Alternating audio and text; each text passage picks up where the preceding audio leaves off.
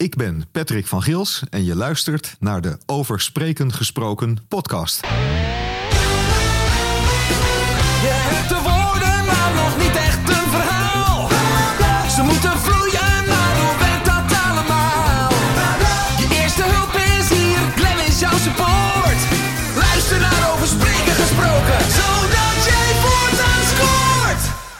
Hey hallo, leuk dat je luistert naar aflevering 3 van de podcast Over Spreken Gesproken.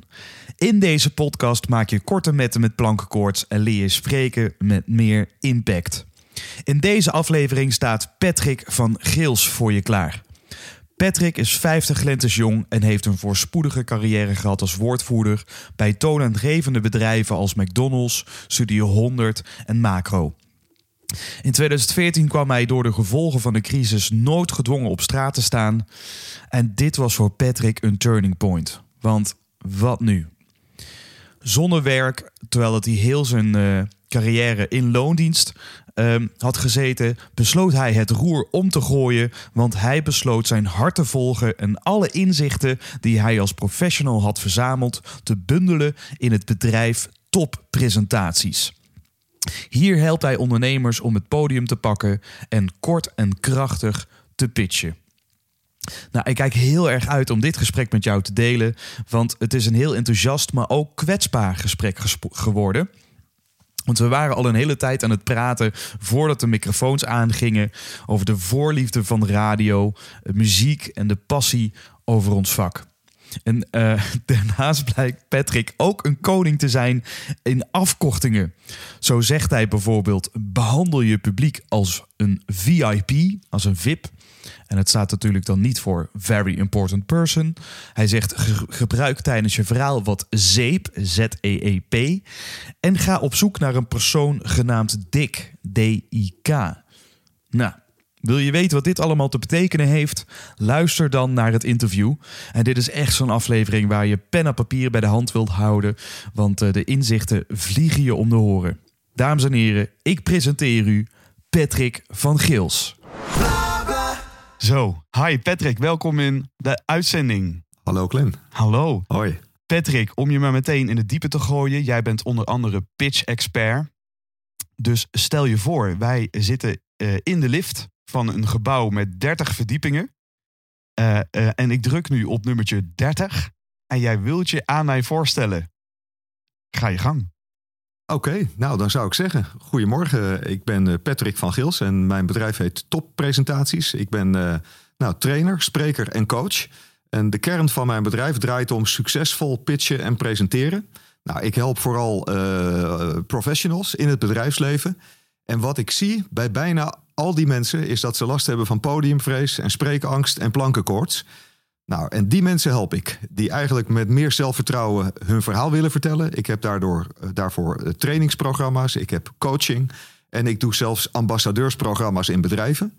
En eh, nou, de mensen die ik help, die geven mij daarna terug dat ze meer zelfvertrouwen hebben. Dat ze meer impact kunnen maken. En dat ze ook gewoon een krachtiger verhaal hebben. Nou, hoe zou jij dat vinden om daar ook van te profiteren? Nou, dat lijkt mij fantastisch, Patrick. Wat goed. Nou ja, we zijn, nu, zijn wel op de twintigste Ja, verdieping. ja, we, zijn, Oh. we zijn er nog We niet zijn eens. er nog niet eens. We hadden nog tijd over. Ja. Wat goed. Hey, dit, ja, dit, dit, dit rolt er zo uit. Is dit ook echt iets wat je, eh, eh, als, als, als, als je dus iemand adviseert om een pitch te bedenken, is het iets wat je hebt uitgeschreven? Is het iets wat echt in je hoofd zit? Hoe, hoe werkt dat? Ja, nou, het is eh, mooi wat je vraagt. Uiteindelijk eh, geloof ik dat pitchen ook letterlijk de ontdekking is van het openen van jezelf. Het is dus niet een soort trucje. Hè, dat je nou maar een verhaal in je hoofd stampt en dat je daarmee anderen kunt, eh, anderen kunt raken. Ik heb vanuit mijn achtergrond ben ik jarenlang woordvoerder geweest. Nou, als Mhm. woordvoerder kon ik de bedrijven die ik representeerde altijd goed en ik moest het altijd, altijd kort en krachtig uitdragen. Eh, maar toen ik uiteindelijk vijf jaar geleden voor mezelf begon, was ik ineens de dienstverlener, was ik het product. En ik heb toen echt moeten ontdekken met welk verhaal ga ik nou naar buiten. Ja. En eh, die ontdekkingsreis heeft mij eigenlijk vanuit het vak wat ik jaren heb beoefend, communicatie, marketing, heeft, heeft me eigenlijk heel erg doen beseffen, wat moet ik nou wel aan een ander vertellen en wat moet ik niet aan een ander Ja. vertellen. En daar is eigenlijk een formule met ja, een Patrick van Gils zes bouwstenen pitchformule uit ontstaan. Eh, door schade en schande eigenlijk ontdekt. Eh, en ik heb ervaren dat je als professional eh, het niet alleen in één minuut moet kunnen vertellen. maar soms sta je op een netwerkbijeenkomst en, en dan moet je het in zes seconden kunnen vertellen. En, en soms mag je een keer een presentatie van tien minuten geven. En dan moet je het in tien minuten kunnen vertellen. Dus waar veel mensen nadenken over het schalen van hun business. leer ik vooral mensen om te schalen in hun verhaal. Dat je een verhaal leert vertellen. wat je in verschillende tijdslengtes. Eh, duidelijk en aantrekkelijk aan een ander kan overbrengen. Exact. Dus dat je een boodschap hebt die of je nu 10 seconden, 1 minuut of 10 minuten hebt, Ja. altijd de gewenste ja, resultaat teweeg brengt waar je dan van tevoren over hebt nagedacht. Ja. En je zegt je werkt nu vijf jaar als, eh, als ondernemer. En je zegt die, dat nadenken over een pitch is eigenlijk ook een beetje uit, uit noodzaak ontstaan. Dat je het nadenken was over, ja. Ja. wat wil ik nou eigenlijk doen? Kun, kun, kun je ons meenemen naar vijf jaar geleden? Of, of misschien wel verder terug? Want je zegt, ik heb, je hebt een achtergrond in communicatie en Ja. als woordvoerder. Ja. Vertel ons een beetje over jouw persoonlijke reis. Ja, nou, ik zal eh, eh, het, het in snelle sprongen doen, maar het geeft dan wel aan, denk ik, van uit waar ik kom. Eh, ik ben, denk ik, vanaf nou ja, mijn zevende, zoals ik kan herinneren, eigenlijk al fan van muziek. En ik heb mijn hele leven in marketing en communicatie gewerkt. En mensen vragen mij wel eens: wat is nou het allerkrachtigste in, in, in pitchen en communicatie? Eh, welke vorm is nou het allersterkst? En dan zeg ik eigenlijk: eigenlijk is dat muziek. Want wat muziek kan, kan geen enkele andere communicatievorm. Muziek kan mensen letterlijk, letterlijk in beweging brengen. Zet nu een goede plaat op en wij gaan hier staan dansen. Nou ja, bij wijze van spreken dan. Nou, Hè? ik Nou ja. kan het me wel voorstellen. Zet, een goede plaat op en, en de mood en de mind van mensen verandert. Du- Dus, Ja. dus muziek eh, is super belangrijk. ook in je verhaal, in je pitch, de manier hoe je het vertelt. Niet alleen maar wat je vertelt, maar ook hoe je het vertelt. Nou, ik ben dus opgegroeid met muziek. Vanaf mijn twaalfde zat ik bij de lokale radio als, als vrijwilliger. En ik zeg wel eens, ik heb met 10.000 uur, hè, die regel ken je, Ja. eh, heb ik eigenlijk ja, gemaakt in radio maken. Van mijn twaalfde tot mijn 22e. Al mijn tijd ging niet naar studie, maar aan het maken van programmaatjes, interactie met luisteraars, eh, tekstjes schrijven, commercials inspreken. En eh, nou ja, daar ligt eigenlijk mijn passie. Daar is ook eigenlijk mijn passie voor communicatie ontstaan. Daar ligt eigenlijk ja, toch wel in mijn hart voelen van dit is wat ik leuk vind. Hier word ik blij van. En ik merkte ook dat dat resoneerde bij anderen. Dus in die zin is mijn hobby heel erg vormend geweest voor wat ik de rest van mijn leven ben gaan doen. Mooi. Vind je het interessant om te horen even de hoofdlijnen daarna? Ja, zeker. En misschien Ja. wel leuk om te vertellen, want wij zaten elkaar al enorm verbaal te knuffelen.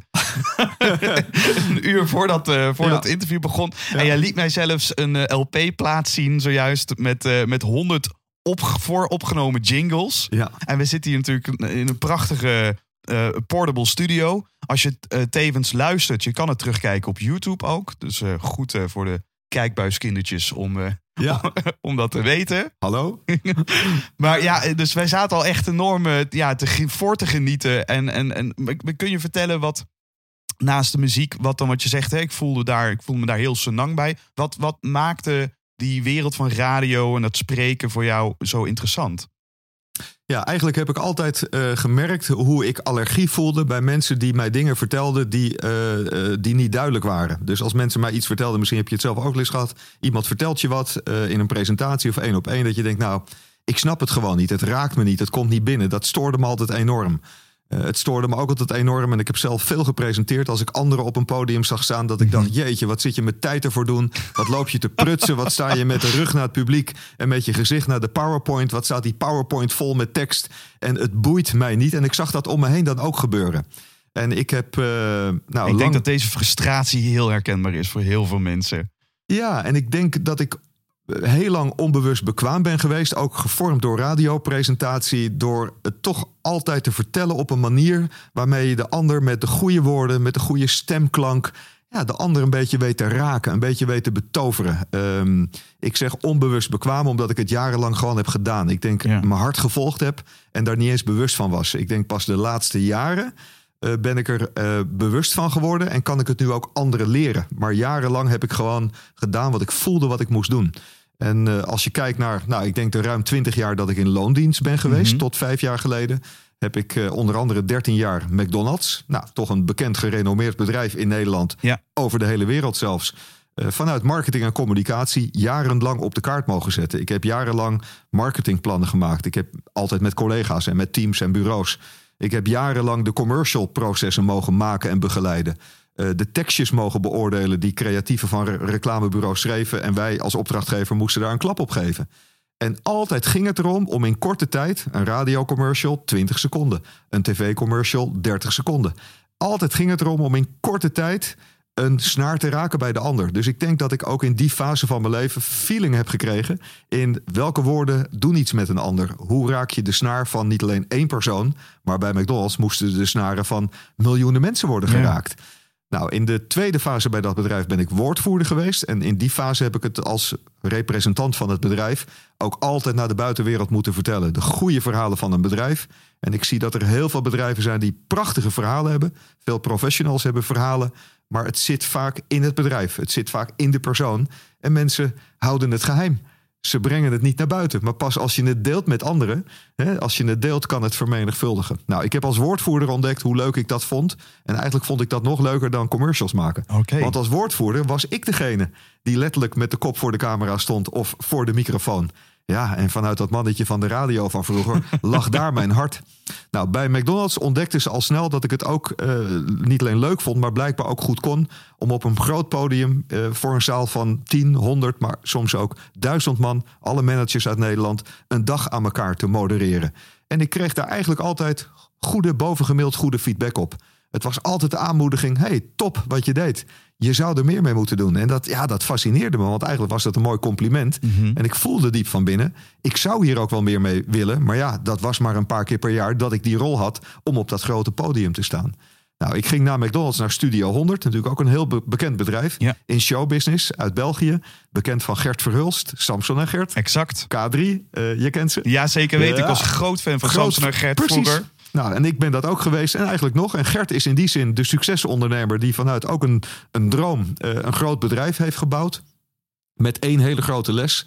Door niet alleen zelf ooit omroeper bij de tv te zijn, maar daar Samson naast te zetten. En daarmee Ja. werd hij uniek en zette hij zichzelf in de spotlight. En ik denk dat hij voor mij symbool staat voor eh, iets unieks doen. Eh, eh, je eigen dromen najagen. En ehm, nou, na Studio 100 was mijn laatste baan bij Macro, de groothandel. Ja. Een bedrijf wat het zwaar had, waar ik ook heb geleerd om tegen de wind in te zeilen. McDonald's is een succesbedrijf, Studio 100 een succesbedrijf, Macro was een succesbedrijf, maar heeft het wat uitdagender momenteel. Nou, en daar heb ik mede mogen bouwen aan een vernieuwingsoperatie. Eh, maar vernieuwing gaat nooit zo snel als dat, eh, als dat men wenst. Eh, en om een lang verhaal kort te maken, daar verloor ik uiteindelijk, ja, dat is inmiddels vijf jaar geleden, mijn baan. Er werd stevig gesneden. 300 mensen of 300 functies heet dat dan, kwamen, werden geschrapt. En ik zat daar ook bij. En toen stond ik eigenlijk op straat. En toen was ik 46. En toen dacht ik, wat nu? En dat was voor mij echt een momentum, wat nu? En ik voelde diep van binnen dat ik mijn hart moest gaan volgen. Dat een vaste baan eigenlijk van nul en geen waarde was.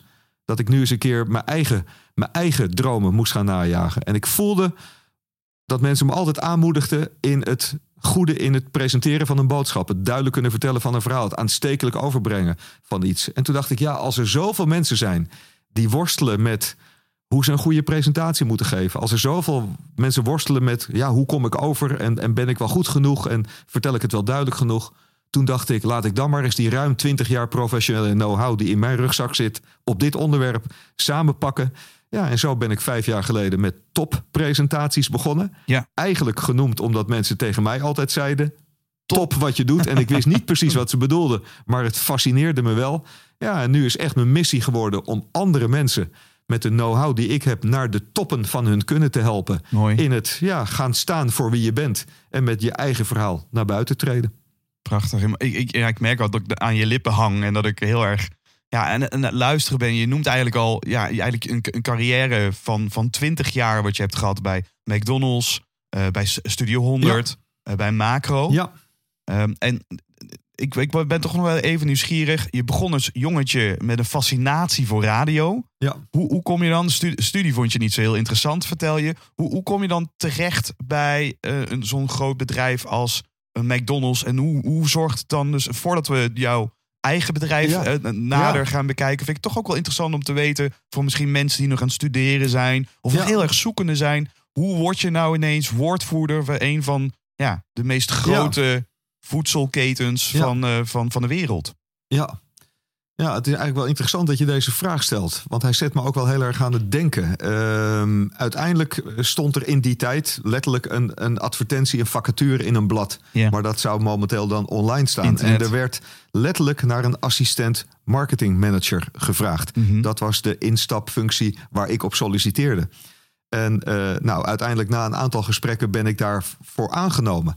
En eh, het grappige is, al vanaf mijn achtste of negende jaar, zolang ik me kan herinneren, was ik eigenlijk altijd al een beetje fan, een beetje gefascineerd door McDonald's. Oké. En eh, ik, ik groeide op in Halfweg tussen Haarlem en Amsterdam. En dan ging ik met mijn moeder kleren kopen in Haarlem. En dan sloten we stevast op donderdagavond, als we dat samen dan deden, eh, af bij McDonald's.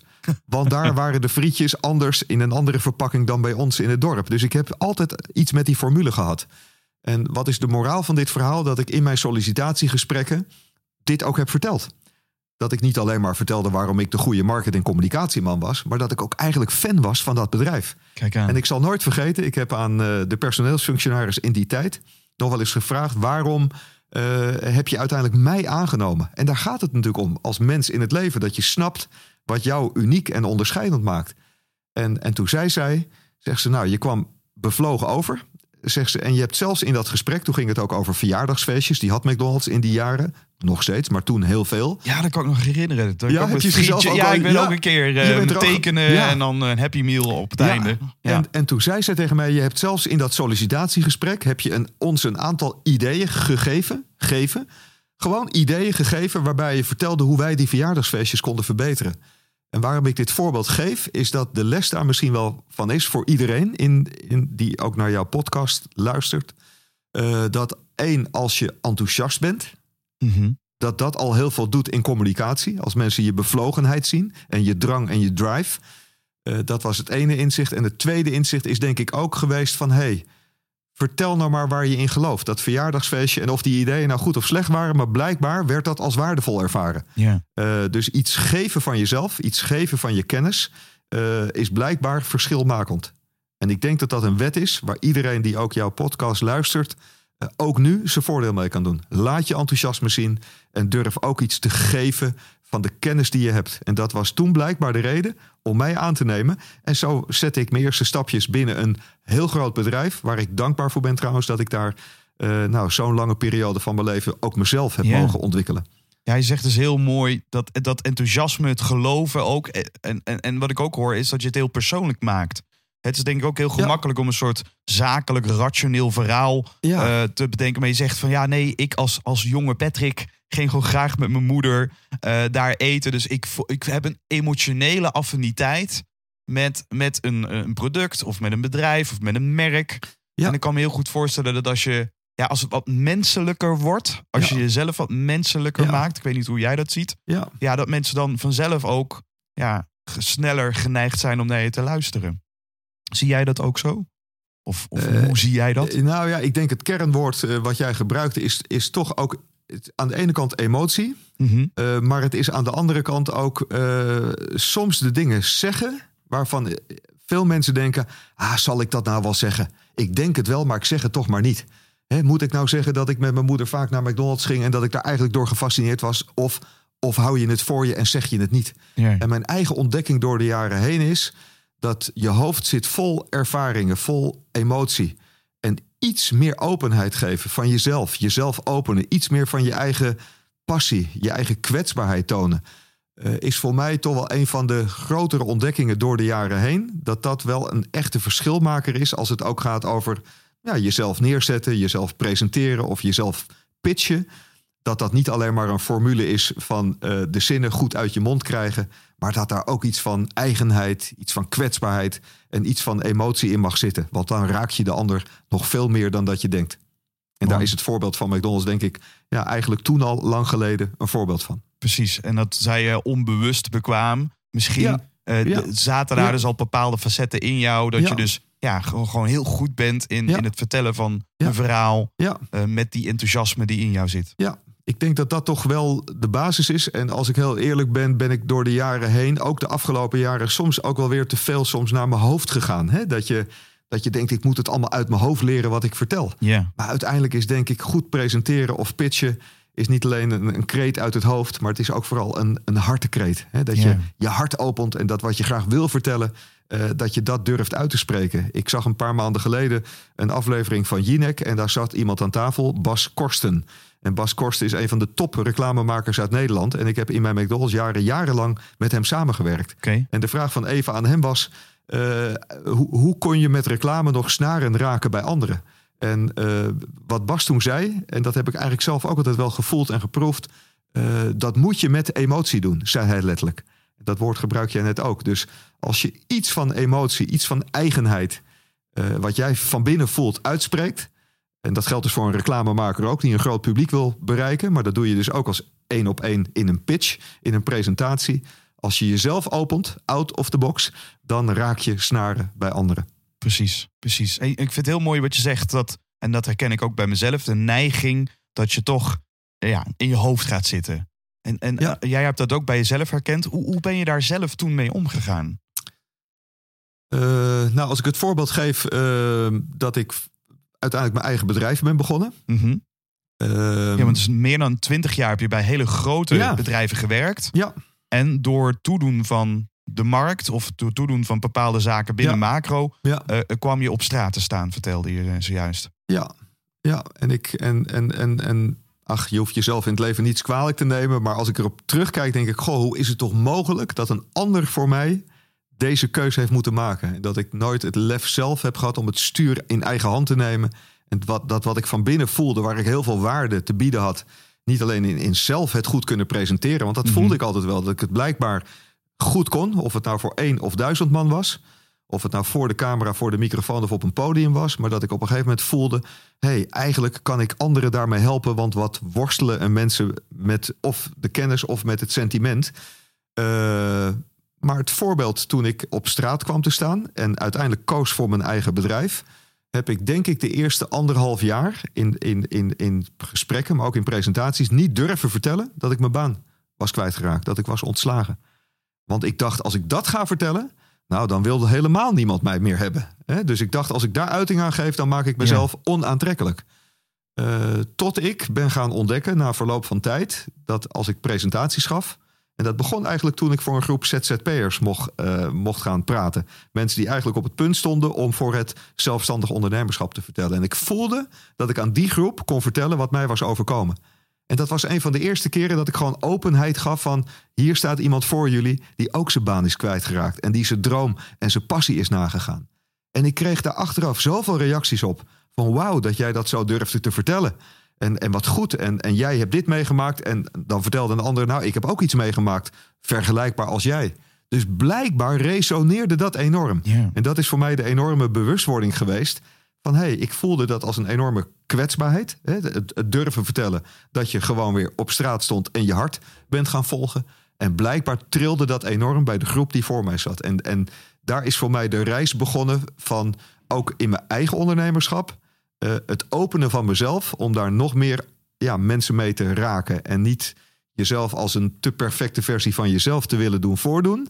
eh, maar gewoon eh, genoegen te nemen met hoe je bent. Just the way you are. Just the way you are. Om er maar eens een titel van een hit van weleer bij te halen. Wie kent hem nog? Hè? Wie kent hem nog? Herinnert u zich deze nog? Nog, nog, nog, nog. Ja, Dus... dus mooi wat je zegt. Dus je zegt, die kwetsbaarheid creëert ook weer geloofwaardigheid. Ja. Zou je dat zo kunnen zien? ehm, ja, dat is dan toch de kant van authenticiteit. eh, die eh, ja, mensen dan toch, toch voelen. En eigenlijk wat mensen willen zien. En eh, ja, als als ik nou 25 jaar, nou misschien moet ik wel zeggen, nog veel langer. Hè, van het mannetje van de radio tot nu. Al die meters, al die uren waarin ik of mezelf of het, of het bedrijf, mijn eigen bedrijf of de bedrijf waar ik werkte, heb mogen representeren. Dan is toch eigenlijk de kern dat het eigenlijk gaat om dat je in de ander, je zegt het altijd tegen een ander namelijk, één Ja. of tien of honderd of duizend man, dat je die ander een VIP-behandeling geeft. En met VIP bedoel ik niet alleen very important person, Mhm. maar ook een afkorting die ik heb ontdekt dat het gaat om drie woorden. Dat de ander voelt dat je in verbinding bent. Dat de ander voelt, hé, hey, er staat hier iemand voor de groep, die is niet alleen maar druk met zichzelf, maar die is met mij in verbinding. De V, de I van interactie. Er zijn zoveel sprekers die op een podium staan, maar die, die niet durven om interactie op gang te brengen. Mhm. En als er iets is wat ik blijkbaar onbewust altijd deed en nu heel bewust inzet en mensen ook aan mij vragen: hey, dat wil ik ook hoe jij dat doet. Eh, dat is de kracht van het op gang durven brengen van interactie. Want dat vinden mensen in een groep heerlijk, want die denken dan: hey, hij staat daar niet alleen te oreren, maar ik word erbij betrokken. En mensen vinden het niet zo prettig als dat ze eh, ook mo- mogen meedoen, mogen meepraten, mogen meevragen. Dus de I van interactie, V, I en de P van ja, het woord is al gevallen in deze podcast, in dit interview. En dat is dat mensen willen voelen dat je het zo persoonlijk mogelijk maakt. Hè, dat je iets van jezelf laat zien, van jouw verhaal. Ja. Eh, dus ik, ja, mijn motto is ook wel geworden bij grote en kleine presentaties en ook aan de mensen die ik train. Geef iedereen in je publiek een VIP-behandeling. Maak met iedereen connectie, verbinding, interactie en maak het persoonlijk. Kijk, hier openbaart zich de expert. Is dat zo? Ja, vind ik wel. Oh. Want, want dit is, ja, los van dat je en een prachtige stem hebt en daadkrachtig je verhaal eh, weet te vertellen, Dank weet jij het ook nog eens te hangen aan een bepaalde kapstok, waardoor het heel spraakmakend wordt. Ja. En voor mij heel gemakkelijk wordt om te onthouden. Dus ik denk dat dit echt ontzettend waardevol is Ja, voor iedereen die luistert. ja, Geef iedereen die je voor je neus hebt een VIP-behandeling. ja. En dan noem ik hem nog één keer. Kijken of ik hem goed, heb, eh, goed beet heb weten te pakken. De V van verbinding. Ja. Ik, we hebben contact samen. De I van interactie. precies. En als we de interactie hebben, maak het dan alsjeblieft zo persoonlijk mogelijk. Goed, Glenn. Yes! Ja, nou ja, ja Hij zit erin. Ja. En, maar, maar daar, zit het, daar draait uiteindelijk alle. Ja, daar draait het, daar draait het uiteindelijk allemaal om. Wat vind jij nu het allerleukste in je werk? Want de enthousiasme straalt er vanaf. Ja, ik, wat ik het allerleukste vind, en daar heb ik de afgelopen vijf jaar enorme stappen gezet. Want mijn grootste zorg was: kan de man die altijd voor de bedrijven stond waar die voor stond, en achter de bedrijven stond waar die voor stond, Mhm. kan die nu ook voor zichzelf gaan staan? Durft die voor zichzelf te staan? Kan die voor zichzelf zorgen? Kan ik mijn eigen inkomen verdienen? Dat was mijn grootste zorg als kostwinner van een gezin. Ja. En ik heb eigenlijk nu in bijna vijf jaar ontdekt dat je van je passie je professie kan maken. En daar ook gewoon ja, je inkomen mee kan verdienen. Dat is voor mij enorm voldoeninggevend en vervullend geweest. Dat ik misschien altijd heb gedacht dat ik er wel van droomde. Maar mezelf in mijn hoofd wijs maakte dat dat, dat, dat niet kon. Maar het kan.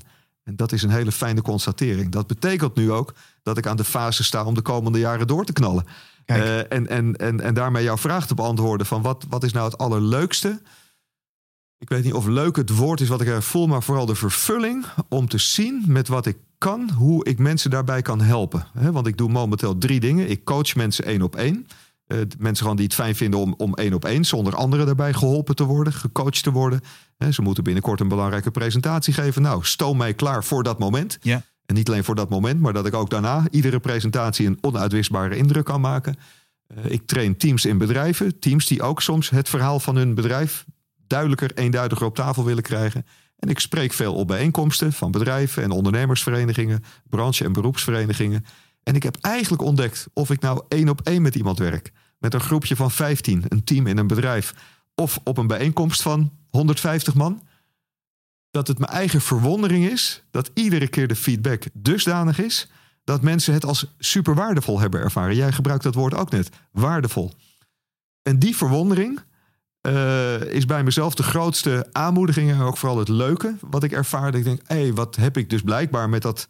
Ik kan heel veel niet, maar blijkbaar op dit stukje kan ik iets wel. Ja. En dat is een stukje waar heel veel mensen mee worstelen. Wat heerlijk voelt het en hoe leuk is het dat je dus mensen van één op één setting tot grote groepen, dat je mensen daarmee kunt ja, inspireren en iets kunt leren en kracht kunt geven of tips kan geven of hun mindset kan prikkelen om er ook voor te gaan staan. Nou, dat vind ik wel heel erg leuk.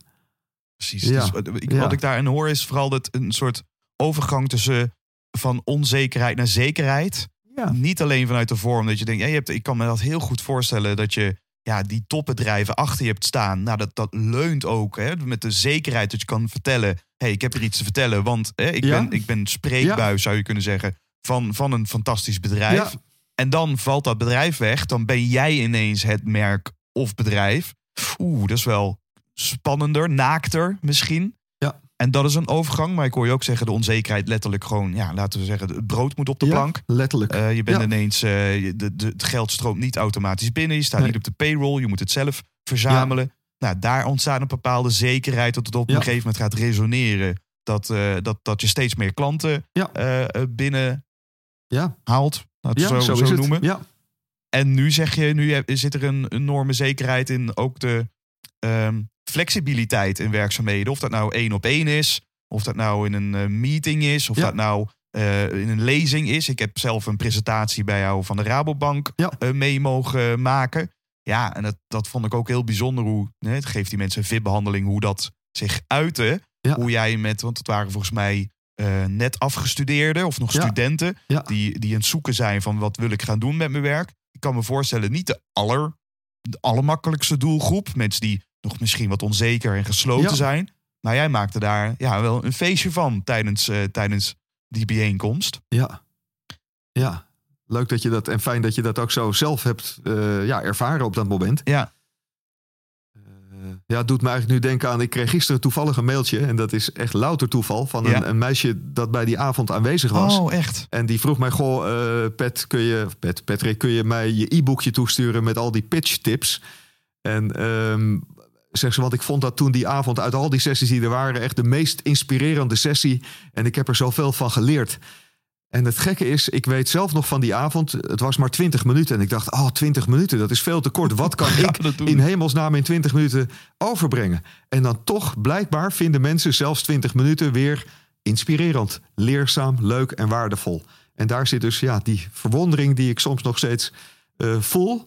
Van, hey, ja, blijkbaar, eh, ja, noem het maar, jij gaf er net mooie woorden aan, van onzekerheid naar ook je eigen zekerheid en zelfvertrouwen. Ja. Zonder Ja. de verwondering te verliezen. Want ook nu komt dat Ja. woordje weer voorbij, verwondering. Ja. Ja, en ik heb, vind dat verwondering, verlangen. Ja, dat zijn natuurlijk wel enorme fijne woorden die...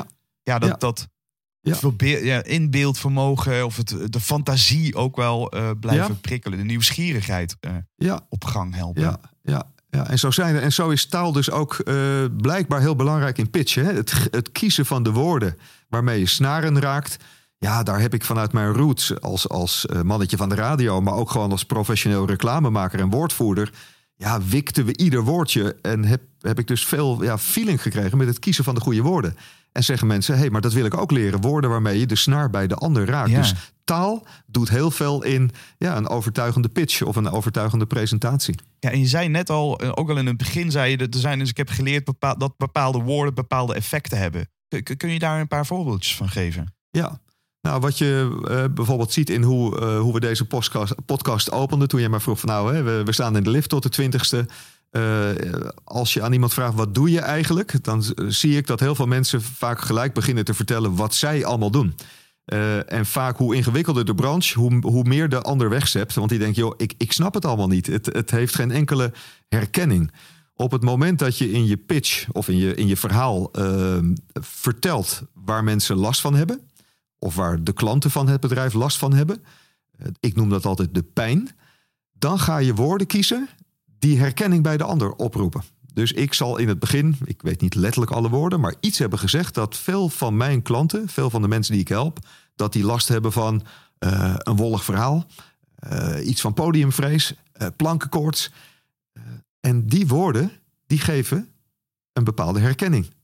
Want die raken iets van de snaar van, hé, hey, ja, dat voel ik bij mezelf. Ja. Ik heb een wollig verhaal of ik voel soms dat ongemakkelijke sentiment. Dus door het uitspreken in je pitch van de pijnwoorden, dit soort woorden, ehm, maakt het dat de ander aan de lippen gaat hangen en denkt: hey, hey, dat herken ik bij mezelf of bij iemand anders. Pas daarna is het interessant om te gaan vertellen wat jouw eh, producten en diensten zijn.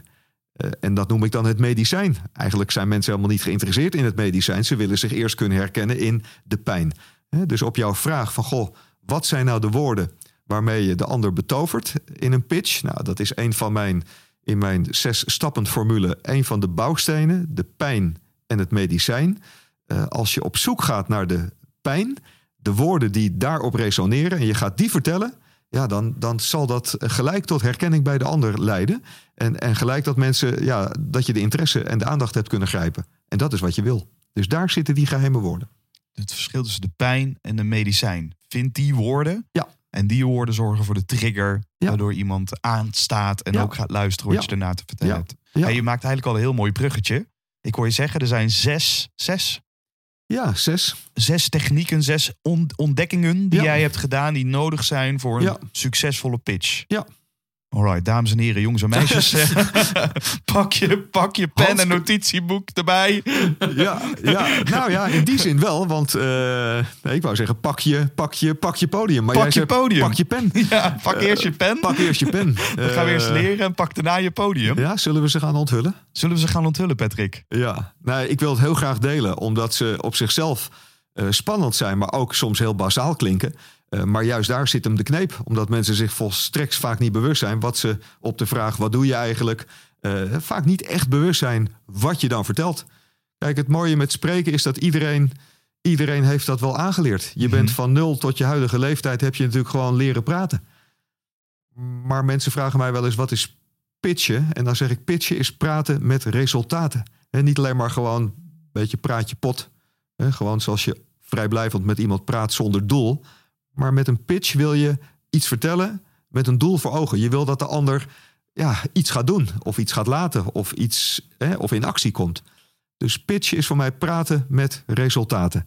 Nou, en de zes bouwstenen helpen om zeg maar te leren praten met betere resultaten. Zullen we ze gewoon eens beetpakken? Dat is goed, laten we met de eerste beginnen. Ja, laten we met de eerste beginnen. De eerste is eh, A-merk. Kijk, ik kom natuurlijk bij bedrijven die stuk voor stuk A-merken zijn. Ja. Eh, wat is voor jou een A-merk? Waar denk je dan aan als ik dat woord uitspreek? Een A-merk. Een A-merk, dan denk ik aan KLM. Ja. Ik denk aan Jumbo, Ja. Dus je denkt eigenlijk aan Apple. grote namen, grote bedrijven in Nederland of in de wereld. Eh, en, en wat ik heb ontdekt is dat A-merken eh, staan voor bekendheid, staan voor een bepaalde mate van kwaliteit. Ehm, en je hebt het net al genoemd, toen ik voor mijzelf begon, voelde ik me eigenlijk heel erg Calimero. Want ik stond op nul. Ik voelde me een nul. Ik was mijn baan kwijt. Ik had nul klanten en ik had nul inkomsten. Dus ik moest echt vanaf nul beginnen. En ik heb eigenlijk echt ontdekt dat eh, de pitch een goede, duidelijke, duidelijke boodschap, maar ook een aantrekkelijke boodschap, die heeft mij echt gebracht van nul naar mijn eerste klant, van mijn eerste naar mijn tiende klant, van mijn tiende naar mijn honderdste klant en nu in de volgende fase van mijn honderdste naar mijn duizendste klant. En ik wil daarmee maar aangeven dat, dat een goede pitchboodschap dus heel erg helpt om uiteindelijk ook je doelen te bereiken, klanten aan te trekken of de baan te vinden die je graag eh, wil, wil hebben. Een pitch helpt je om je doelen eigenlijk in het leven ook te bereiken. Want als je er geen woorden aan geeft, ja, dan blijft het in je hoofd. En als je er woorden aan geeft, dan komt het uit je hoofd en kan een ander het opvangen. Ja. Nou, terug naar aanmerk. Eh, ik moest, toen ik voor mezelf begon, ook weer voor mezelf gaan staan. En niet voor de bedrijven waar ik werkte, maar voor mezelf. En toen flitste ineens het woord aanmerk door mijn hoofd. Toen dacht ik, wat heb ik nou al die ruim twintig jaar gedaan? Ja, al die bedrijven bekender gemaakt, zichtbaarder gemaakt. Eigenlijk nog meer aanmerk. En toen zei een vriend van mij: Maar jij bent, jij bent ook een aanmerk. Jij bent een aanmerk. Jij staat voor heel veel know-how. Jij staat voor energie. Jij staat voor de kennis en kunde die je in al die jaren hebt opgebouwd. En hij wilde me daar een beetje mee oppeppen. En de eerste bouwsteen is dus aanmerk.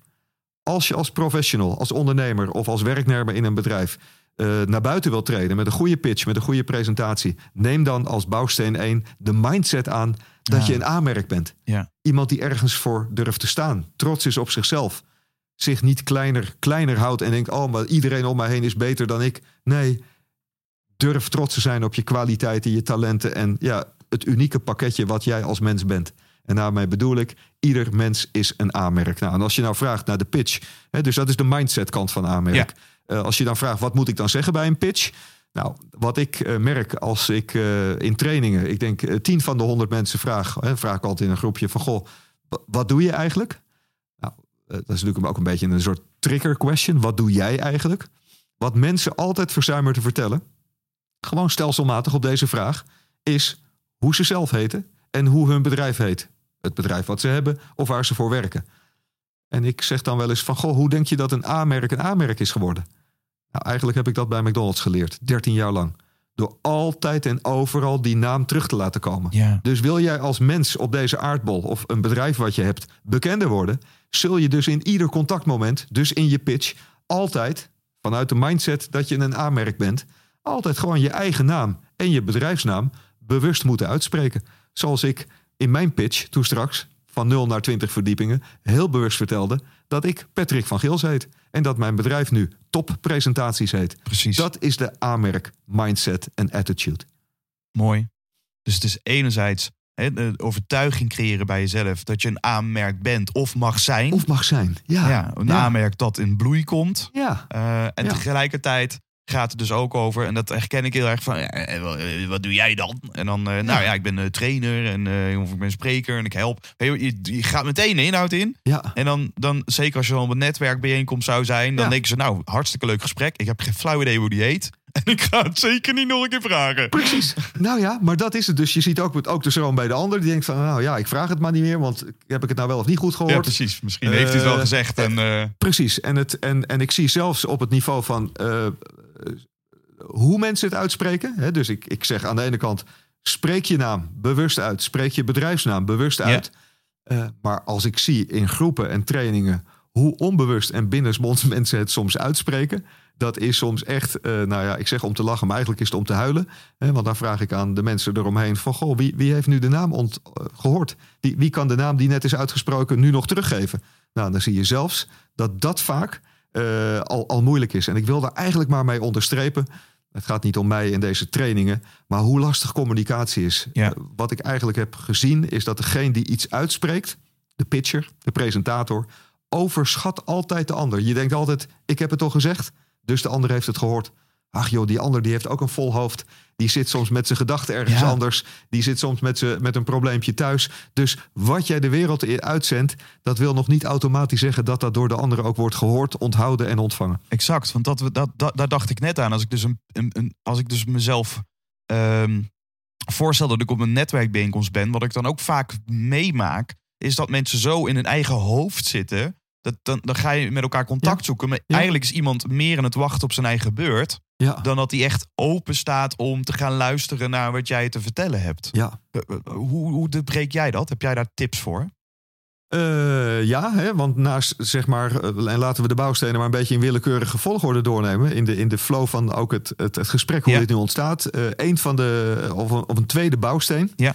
Eh, en ik noem het bewust bouwstenen, omdat bouwstenen mindsets zijn die je bewuster in korte en lange verhalen kan toepassen. En ik hoop ook door deze podcast dat mensen het aanmerkgevoel letterlijk hè, makkelijk kunnen onthouden. Dat Ja. het een ezelsbruggetje is van, oh ja, de eerstvolgende keer op een receptie eh, moet ik even vertellen gewoon hoe ik heet eh, en hoe het bedrijf heet. Precies. Ehm, hoe, hoe kun je die connectie en interactie verbeteren? Dat is de, het tweede bouwsteentje. En hij klinkt zo open deur en toch, en toch herkennen mensen hem en passen ze hem te weinig toe. En dat is de kracht van de vraag. En als er iets is wat ik heb ontdekt, dat is in al die jaren dat ik in dit vak zit, eh, dat een vraag twee keer meer impact heeft dan dat je iets vertelt. Eh, kun je herinneren hoe ik mijn 20 verdiepingen pitch net afronde naar jou? Ja, je eindigde met een vraag. Ik eindigde met een vraag. Ja. En nou ben ik van nature als mens in het leven altijd heel vragend geweest. En dat zegt ook iets misschien over mijn soms eh, dienstbaarheid eh, naar mijn directeuren en managers waar ik voor werkte. Hè? Mhm. Dat ik niet alleen vertelde wat ik vond dat er moest gebeuren, maar ik stelde altijd veel vragen. Ik was meer vragend soms dan dat ik mijn eigen stem daar altijd in liet doorklinken. Eh, het, gevolg, het positieve gevolg daarvan is geweest dat ik eigenlijk heb geleerd hoe je hele goede vragen kunt stellen. Power vragen. Niet alleen vragen, maar power vragen. Ik ga je zo meteen een voorbeeld ja, geven. precies. Ehm, dus ik zie als het over pitchen gaat, dat, dat mensen denken: ja, in een pitch moet ik alleen maar wat vertellen. En mag ik niks vragen. En als je je pitch lardeert, vraag eens een beetje de joker in je pitch. En daar bedoel ik mee, eh, je kunt ermee eindigen, je kunt er ook mee beginnen, je kunt hem ook in het midden stellen. Die vraag die, als je maar vragen stelt in je pitch. Nou, en ik eindigde net ook in mijn korte introductie met een vraag. Ja, en wat, en wat is de kracht van een vraag? Hoe ervoer jij net die vraag, Glenn? Hè, ik, het gaat niet eens op de inhoud, maar wat was het effect op jezelf? Ja, je doet een beroep op mij. Ja. Dus er ontstaat een bepaalde betrokkenheid. Ja. Eh, of dat nou ehm, een soort ja, psychologische verplichting is of niet. Maar ja, ik- als het gaat om eh, VIP, hè, die verbinding inter- in interactie. Ja. Ja. daarmee ben ik automatisch meer in het hier en nu, meer bij jou. Precies. Eh, en, Ja. en, en dwingt dat mij om, om, ja, om, om ook na te denken. Dus Ja. mijn radertjes beginnen ook eh, Ja. meer te draaien. Ja. Ja, dus, dus, dus je geeft al heel, hè, je voelt ook, en eh, mooi hoe je dat verwoordt. Er gebeurt eigenlijk, eh, het, het, het, er gebeurt meer eh, dan dat je alleen maar een antwoord terugkrijgt. Mensen Ja. zeggen vaak, ja, als ik een vraag stel, krijg je een antwoord terug. Maar eigenlijk geef jij de diepere lagen aan van ja. eh, je gaat eigenlijk, hè, focus je naar het hier en nu. De ander voelt zich betrokken. Eh, een ander vindt het ook leuker als, als die mee mag praten. Ja. En niet alleen maar hoeft te luisteren. Dus een vraag doet heel veel in het brein en in het hart van de Ja. ander. En eh, nou, ik zie dat er veel te weinig gevraagd wordt. Ik leer mensen eh, vooral vragen te stellen.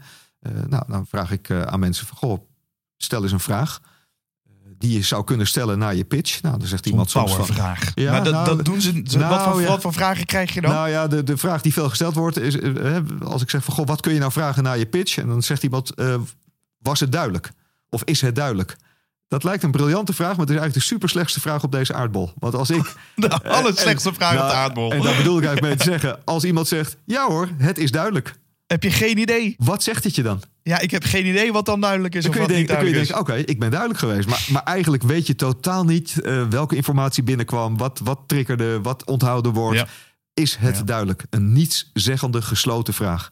Nou, gesloten vragen zijn effectief, maar in, in, in pitchtechnieken eh, zijn vooral de open vragen degene die de magic en de interactie en de, ja, de connectie op gang kunnen brengen. Eh, open vragen beginnen hè, meestal met een eh, woorden als wie of wat of waar of waarom, wanneer of met hoe. Om het simpel te onthouden, focus ik altijd op de wat en hoe vragen. Wat vind je hiervan? Hoe kijk jij hiernaar? Dat, dat zijn ogenschijnlijk simpele vragen, maar ga ze maar stellen. Als je jezelf hebt geïntroduceerd en je koppelt daar zo'n vraag aan, ja, dan, dan, dan ontstaat er gelijk interactie. Hè? Hoe vind jij dit klinken? Als je die vraag naar jouw pitch stelt, nou, kun je je voorstellen wat er dan gebeurt? Bla bla bla bla bla. En dan eindig je met: hoe vind jij dit klinken? Mhm. Nou, dan, dan, dan ga je ontdekken wat mensen eh, eh, opviel in je verhaal. Ja. Eh, ik heb zelf soms meegemaakt op een lawaaiige receptie of netwerkbijeenkomst dat iemand zegt: Ja, hoe vind je, vind je dit klinken? Joh, het was zo lawaaiig, ik heb het nog niet eens goed kunnen verstaan. Kun je het nog een keer vertellen?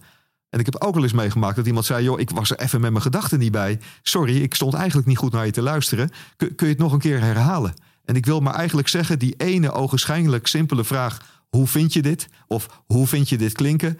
Eh, doet je eh, vooral bewust worden eh, of mensen het gehoord hebben, of ze het gesnapt hebben en welke elementen uit je verhaal vooral resoneren. En die informatie, Ja. ja. daar ligt ook de sleutel naar niet alleen verbinding, maar ook naar commerciële kansen. En dat heb ik zelf ontdekt in mijn stappen, nou ook met mijn pitch, klanten binnenhalen en veel klanten binnenhalen. Want hoe, hoe he- heeft deze vraag jou dan geholpen bij het creëren van een commerciële kans? Eh, nou, de vraag hoe vind je het klinken? Eh, om daar een voorbeeld in te geven. Ja. eh, heb ik menigmaal meegemaakt dat iemand zegt... oh ja, dat wollige verhaal wat jij net zei in je verhaal... ja, dat, dat heb ik zelf alleen zo van... is mijn verhaal wel zo duidelijk? Ah, dus ik kijk. heb gemerkt, het pijnwoord wollig verhaal... Ja. Hè, hoe vind je dit klinken? Dat door die vraag te stellen... vaak het antwoord terugkwam op die woorden daar resoneerde blijkbaar de snaar bij de ander van... hé, hey, ja, maar dat heb ik zelf ook. En ik vind het zelf soms ook spannend als ik voor een groep moet staan. Oké, nou, en dan is mijn vervolgvraag... maar wat vind je daar zo lastig aan? Vertel er iets wat meer over. En zo ontstaat er gesprek. Precies. En ik heb echt ontdekt dat het niet de eerste keer zal zijn... en ook niet de laatste... dat dan na zo'n kort contact op een ondernemersvereniging... iemand zegt, goh, ja, ik vond het niet alleen een leuk gesprek... maar ik, ik zou hier ooit wel eh, gebruik van willen maken. Wat voor producten, diensten heb je dan? Eh, en zo ga je eigenlijk het vervolg creëren. Dus die, die pitch, die introductie... is een superbelangrijk startpunt om niet alleen duidelijk te kunnen zijn, eh, niet alleen aantrekkelijk te kunnen zijn, maar ook om daar het vervolg met Ja. de ander in naar boven te halen. Precies. En dat is voor mezelf echt een enorm inzicht en de ontdekking eh, dat dat niet alleen in mijn eigen onderneming zo is, maar ook de klanten die ik help, dat zij daar ook van profiteren. En Zeker dat dat als echt zo werkt. pijnwoorden gebruikt, dan wordt dat onthouden, geven ze dat terug. Ja. En het geeft Ja. dan eigenlijk weer schot voor open doel om dan daarop weer een nieuwe vraag te stellen. Dus we hebben twee bouwstenen. De eerste bouwsteen nu is eh, benoem je aanmerk. Ja, Tweede bouwsteen is stel vragen. ja. Laten we naar de derde bouwsteen gaan. Ja, en dat is, eh, ik, noem hem de kern. Eh, ik heb als woordvoerder altijd uit al die verhalen die in het bedrijf eh, er waren, eh, was ik degene die als de NOS dan belde... eh, mogen we met een cameraploegje langskomen... want we willen het antwoord van McDonald's hierop horen... Mhm. was ik degene die het uiteindelijk in soms 40 seconden... of soms 10 seconden moest vertellen. Ik moest altijd uit die enorme verhalen in het bedrijf... altijd terug naar de kern. Wat zijn de kernpunten die we willen vertellen? Welke woorden gaan we daarvoor gebruiken? Nou, en ik merk dat er. En ik heb de afgelopen jaren, ik, nou, ik denk wel gesproken voor, nou, daar ben ik echt super trots op, eh, op allerlei bijeenkomsten voor wel 15.000 mensen. In allerlei grote en kleine eh, sessies. Zelfs koningin Eh, Maxima. En dat is ook een verwondering Ja. die soms kan ontstaan als je je hart en je droom gaat volgen. Leuk dat je het noemt. Over VIP gesproken. Ja. Dat was echt VIP. Maar dan in de andere betekenis van het woord. Very important person. Maar eigenlijk is iedereen dat. Eh, maar dat zoveel mensen moeite hebben. En vooral heel veel ZZP'ers. Maar ook mensen die in loondienst zijn. Om gewoon tot de kern te komen. Wat doe je nu eigenlijk? En ik doe daar altijd de twee woorden oefening. En dat is de kortste pitch ever die ik mensen leer. Hoe je in twee woorden de kern van je product of je dienst duidelijk kunt maken. En ik heb, ik denk toen straks in mijn introductie, eh, nadat ik vertelde hoe ik heette, hoe ik heet, hoe mijn bedrijf heet, verteld dat de kern van mijn bedrijf draait om succesvol pitchen. Twee woorden. Of soms zeg ik succesvol presenteren. Of overtuigend presenteren. En ik wil vooral de luisteraar van je podcast uitdagen om op zoek te gaan naar jouw twee kernwoorden. En om een voorbeeld te geven, ik zeg net overtuigend presenteren. Je hoort dat die twee woorden allebei verschillende woorden zijn. Ja. Het woord presenteren is een woord wat het duidelijk maakt. Ja. Dus ga op zoek naar dat duidelijke woord. En het woord overtuigend is het woord wat het, het bijvoeglijk naamwoord. Wat de smaak eraan geeft. Wat het unieke erin is. De kern van mijn business. Overtuigend pitchen. Overtuigend presenteren. Dus pro- probeer voor jezelf jezelf uit te dagen om naar de kern van je ja, propositie te gaan. Eén duidelijk woord en één bijvoeglijk naamwoord. Eén woord waar de uniciteit in doorklinkt. En zo heb je daarmee een super strakke kern van jouw verhaal. Waar je je hele verhaal omheen en op kunt uitbouwen. Mooi. En ik hoor je zeggen, je noemt duidelijk woord. Kan het dan ook iets anders zijn dan een werkwoord? Presenteren. Eh, ja. Ehm, eh, als ik het eh, even in, in het domein waarin ik dan werk, is het woord pitch training is geen werkwoord. Nee. Maar dat is een zelfstandig naamwoord. Ik geef overtuigende pitch, Pitch. Dus Precies. het kan of een werkwoord zijn, het kan ook een zelfstandig naamwoord zijn. Nu gaan we helemaal naar de grammatica toe. maar het is wel leuk trouwens, want in feite is dat wel de kern. En eh, eh, ik eh, denk dat ik het straks niet eens gezegd heb. Maar als je zegt dat, ik, dat je trainer bent, of spreker of coach, waarom zou je daar dan ook niet een bijvoeglijk naamwoord voor zetten? Soms Precies. stel ik mij voor en zeg ik: Goh, hier voor u staat een gepassioneerd presentatietrainer. Exact. Nou, wat doet dat? Alleen die twee woorden. Dat je van jezelf zegt dat je een trainer, een presentatietrainer bent. Maar dat ene woordje ervoor. Ach, dat doet mensen nu al verwonderen. En dat gaat nu niet om mij. Dus ook de luisteraar moedig ik aan Ja. om de kern van hun bedrijf te benoemen. Maar ook de kern, wie ben jij eigenlijk? Precies. En durf, en ik zie hoeveel mensen het lastig vinden om een bijvoeglijk naamwoord voor hun eigen functie te zetten. Want ja, dan denken we, ach, dan komen we toch veel te over, hè, verkoperig of, of promoterig over de top over. Maar eigenlijk vinden mensen het heel leuk om te horen. Welk woord zou jij toevoegen aan jouw rol? Welke Ik- waarde voeg jij vooral toe, Glenn, voor jouw klanten? Ja, het is een waarde of een bijvoeglijk Ja, maar voornaamwoord. daar zit- hè. Dat- daar zit het een beetje wel. eh, uit. Als, als ik kijk naar bepaalde waarden die ik heel belangrijk vind, dan zou ik zeggen: ik ben een eh, nieuwsgierige trainer Nou, of een speelse spreker. wauw. Want dan vind ik humor heel belangrijk. En eh, dat, ik, eh, en dat we de stof, de theorie heel Ja. serieus nemen. Ja. Maar, maar mezelf niet zo. Ik Ja, denk als die twee dingen in balans Ja. zijn, dan hebben we gewoon een hele leuke dag met elkaar. Ja, knap trouwens hoe je hier nu zo deze woorden aangeeft. Ik kende ze nog niet, maar ze komen ook echt als je het zo uitspreekt. Eh, ik zeg net mijn woorden, maar ze komen van jou en ik hoop voor de luisteraar ook echt bij me binnen. Je kunt zeggen dat je een trainer bent, maar een nieuwsgierige trainer, ja, dat doet iets in mijn brein. Een speelse spreker, ja, dat is meer dan dat je een spreker bent. Nee, een Ja. dus, nou ja, voor de luisteraar ook terug naar de kern. Ga op zoek naar je twee kernwoorden van jezelf en van je bedrijf, zodat je vanuit de kern eh, je verhaal kunt vertellen. Super waardevol, Patrick. Ja? Ja, echt super waardevol. Ja, nou. Leuk dat je dat teruggeeft. Laten we naar de vierde bouwsteen gaan. Eh, ja, eh, die, ehm, ik ben nogal van de afkortingen en simpele woorden. Dick is dat. Dick is natuurlijk niet alleen een Hollandse voornaam van jongens, soms van meisjes. Dick, je hoort dus dat het een persoon is. En, en Dick staat ook voor een afkorting bij mij. En dat is de ideale klant. De ideale klant. En ik, ik heb in mijn introductie toen straks waarschijnlijk verteld dat ik mij richt op dat ik professionals in het bedrijfsleven help. Nou, wat als je dat niet vertelt? Als je in je pitch niet vertelt wie jouw dik is, wie jouw ideale klant is. Ja, dan zal de ander zich nooit kunnen herkennen in wat jij te bieden hebt. Want dan denkt de ander, ja, leuk wat je doet, maar dat is niet voor mij. Dus in je pitch het uitspreken wie jouw ideale klant is, ja, geeft bij de ander gelijk de herkenning: ben ik dat? Ja, Of ben ik het niet? precies. Maar weet ik wel op wie jij je richt. En ook die laatste categorie is natuurlijk heel belangrijk. Want ik heb ontmoet heel veel mensen die het niet bij mij kopen. Nog niet. Maar die wel mensen aandragen. Waarvan ze zeggen, joh, ik ga jou eens in contact brengen met die of die. Want die kan baat hebben bij wat jij te bieden hebt. Dus dik, de ideale klant. Het uitspreken van op wie jij je richt. In simpele bewoordingen. Ik zei net professionals in het bedrijfsleven. Soms zeg ik, ik richt mij op ondernemers. Het hangt soms ook een beetje af van de setting, waar je bent en tot wie je spreekt. Eh, maar spreek het uit in je verhaal. De vierde bouwsteen.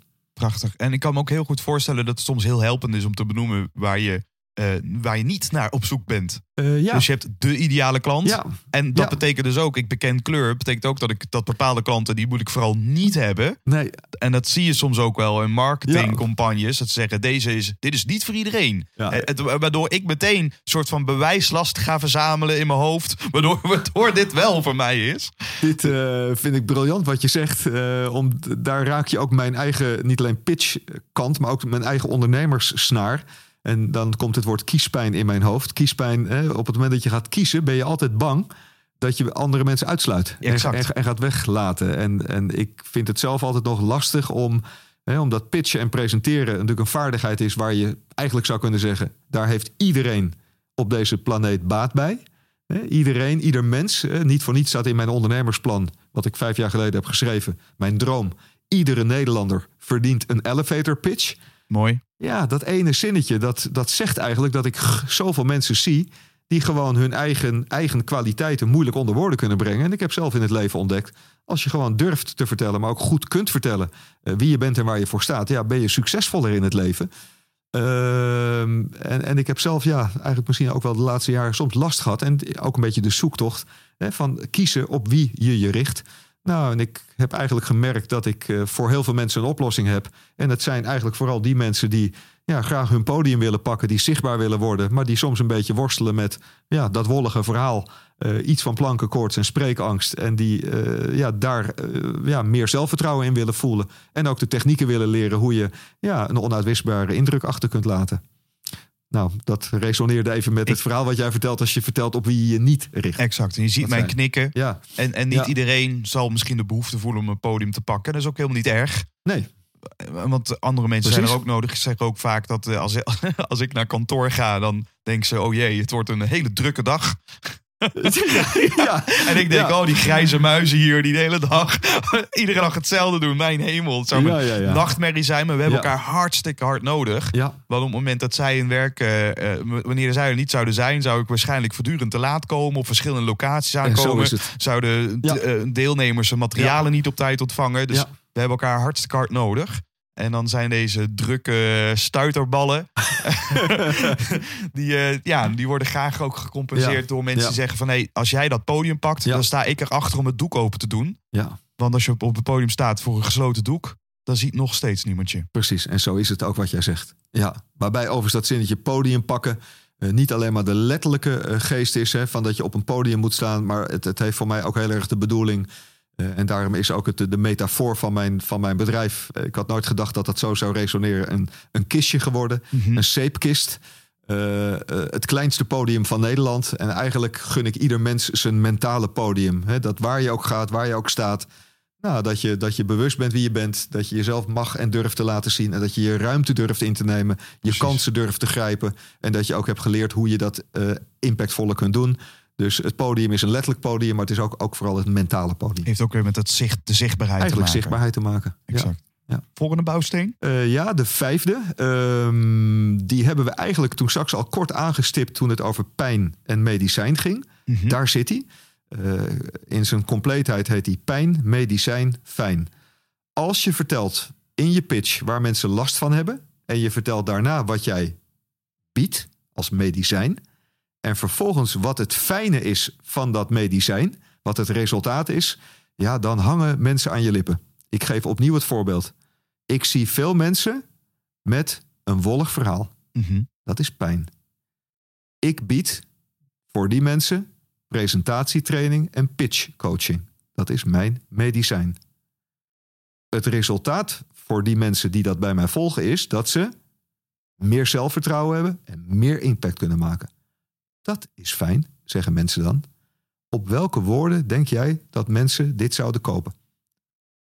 Op pitchtraining en presentatiecoaching? Of heb jij andere woorden gehoord? Ja, ik heb Iets andere woorden gehoord. Oké, kun, Ja. je, kun je er nog één herinneren? Die, ja, die en, nog- en eentje is dat, dat wollig verhaal, hè, als verhaal. pijnverhaal. Eh, de, de, de- meer impact. Ah, meer impact. Meer impact. Eh, fijn.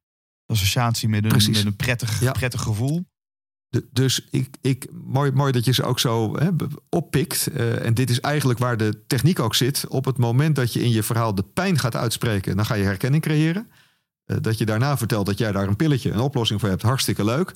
Maar vergeet vooral daarna niet te vertellen wat mensen gaan ervaren als ze dat pilletje innemen.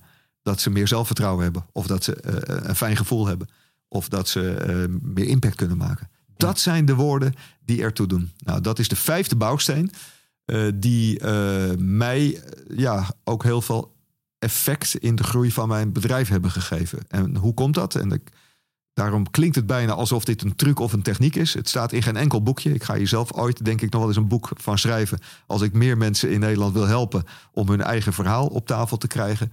Eh, maar ik denk dat ik zelf vooral in het begin de metafoor en de personificatie ben geweest van het medicijn.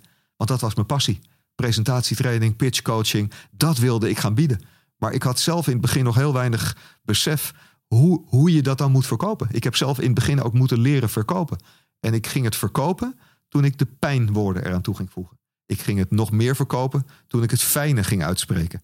Nou, en, en, en, en neem eh, negen mensen op een netwerkbijeenkomst. Negen van de tien eh, is vooral druk met het vertellen van hun medicijn. Gewoon wat ze doen. Ja. En dan staat iedereen te knikken van, nou ja, het zal wel en ik snap het niet. Maar, maar op het moment dat die pijn en die fijn eh, eh, in je woorden gaan komen, ja, dat, dan, dan, dan gebeurt er iets bij de ander. Daarom is dit denk ik een, ze zijn allemaal belangrijk, maar een hele fundamentele bouwsteen als het gaat voor die mensen die meer impact willen maken, die meer klanten willen aantrekken. Dat zit in deze hoek. Precies. En het is super interessant wat je vertelt, want dit is niet alleen psychologie, maar zelfs eerder biologie. Want als je gewoon Ja. kijkt naar onze hersenen, hoe onze Ja. hersenen geprogrammeerd zijn. Ja, Gewoon ja, zol- zolang er geen vuiltje aan de lucht is, ja, dan, dan, dan haal ik het weg. Dan wordt tot 90% gebeurt volstrekt onbewust. Dus wanneer dat ik hè, de, de, de, au- de potentiële auw eh, te Ja. horen krijg, ja, ja, dat is ook gewoon letterlijk voor mij de, de, de, de reactieve prikkel eigenlijk. Ja. Dat ik denk, oeh, dat, dat, dat wil ik niet. ja, Ja, en dan vanuit Ja. daar ook Ja, medicijn. dus- maar je dus- zegt tegelijkertijd, en dat vind ik wel heel mooi. Eh, en dit is het, hè, vanuit een kern is het ook marketing. Maar het gevaar dan is dat het ook een soort trucje is. Maar wat ik jou hoor zeggen is dat bij veel ZZP'ers... Dat, dat ze eigenlijk gewoon vanuit... Eigenlijk wat ze, ze willen graag een bijdrage leveren. Vanuit daar stappen ze in een valkuil. Dat ze vooral heel erg gaan vertellen over dat medicijn. Ja. En het gaat dus ook over de dosering, hè, over de balans. Dat Ja. gewoon vooral als Ja. je zo enthousiast bent over je product... precies. Vergeet dan vooral ook niet even aan te geven wat je probeert op te lossen Ja, daarmee. En, en dat is het ook. En daarmee eigenlijk je toegevoegde waarde onder woorden te kunnen brengen. Exact. Ja. En, en, en dan zal de ander zeggen: hé, maar ja, dat is wat ik zoek.